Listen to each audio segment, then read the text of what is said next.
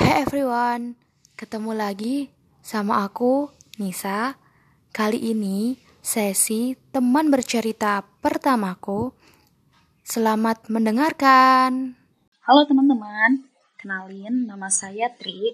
Saya alumni Perikanan UGM tahun 2015 dan sekarang saya sedang berdomisili di Depok, Jawa Barat. Kali ini saya mau ngobrol-ngobrol ringan aja sama teman-teman semua. Uh, tapi sebelumnya, makasih buat Nisa yang udah mengawali obrolan via podcast kali ini. Jujur ini pertama kalinya saya join podcast. Uh, oh iya, buat teman-teman semua, akan ngobrol tentang perikanan.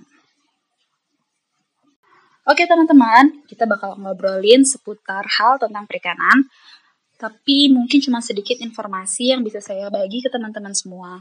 Soalnya saya juga jujur masih belajar tentang perikanan. Oh ya teman-teman, apa sih pandangan pertama kalian pas dengar kata perikanan? Mungkin sedikit ya, atau bahkan banyak dari teman-teman yang ngebayangin tentang ikan-ikan yang ada di laut, terus ada di tambak, budidaya ikan, terus terumbu karang, olahan ikan, seafood, dan sebenarnya teman-teman perikanan itu luas banget dan mencangkup banyak aspek. Jadi kita nggak belajar cuma perikanan biota lautnya aja atau biota ta air tawarnya, tapi juga manusia memanfaatkan biota juga kita pelajari. Kalau bicara biota laut itu jumlahnya ribuan ya teman-teman banyak banget.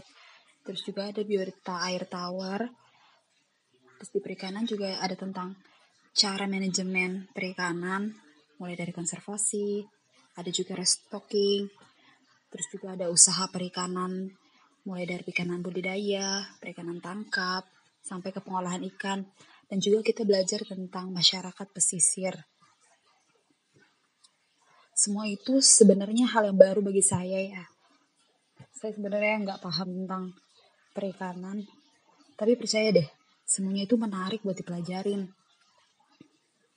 Kalau bicara suka duka kuliah di perikanan, pas zaman kuliah sih ngerasanya, duh berat banget gitu kan. Praktikumnya banyak, terus habis praktikum terbit laporan, sebelum praktikum juga ada pretest, yang mau nggak mau kita harus belajar sebelumnya.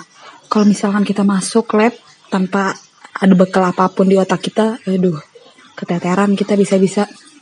Tapi pas udah ke sininya malah kangen ya masa masa kayak gitu.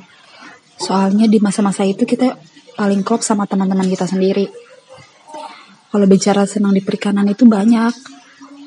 Mulai dari dosennya, terus cutting-cuttingnya, dan pastinya nih teman-temannya udah kayak saudara sendiri soalnya kita ngelewatin masa-masa sulit seneng bareng-bareng belum lagi kalau praktikumnya sampai nginep-nginep gimana nggak makin klop coba terus juga berhubung saya suka jalan-jalan ke pantai jadinya seneng banget bisa praktikum ke pantai kan sekalian jalan-jalan juga toh harapan untuk perikanan ke depan saya harap sih bisa maju sampai ke KPTU nggak nggak bercanda Sebenarnya yang saya harap itu perikanan bisa terus jaya, terus expand, dan bisa menghasilkan sarjana-sarjana luar biasa yang bisa menggerakkan perikanan Indonesia. Wede, keren kan?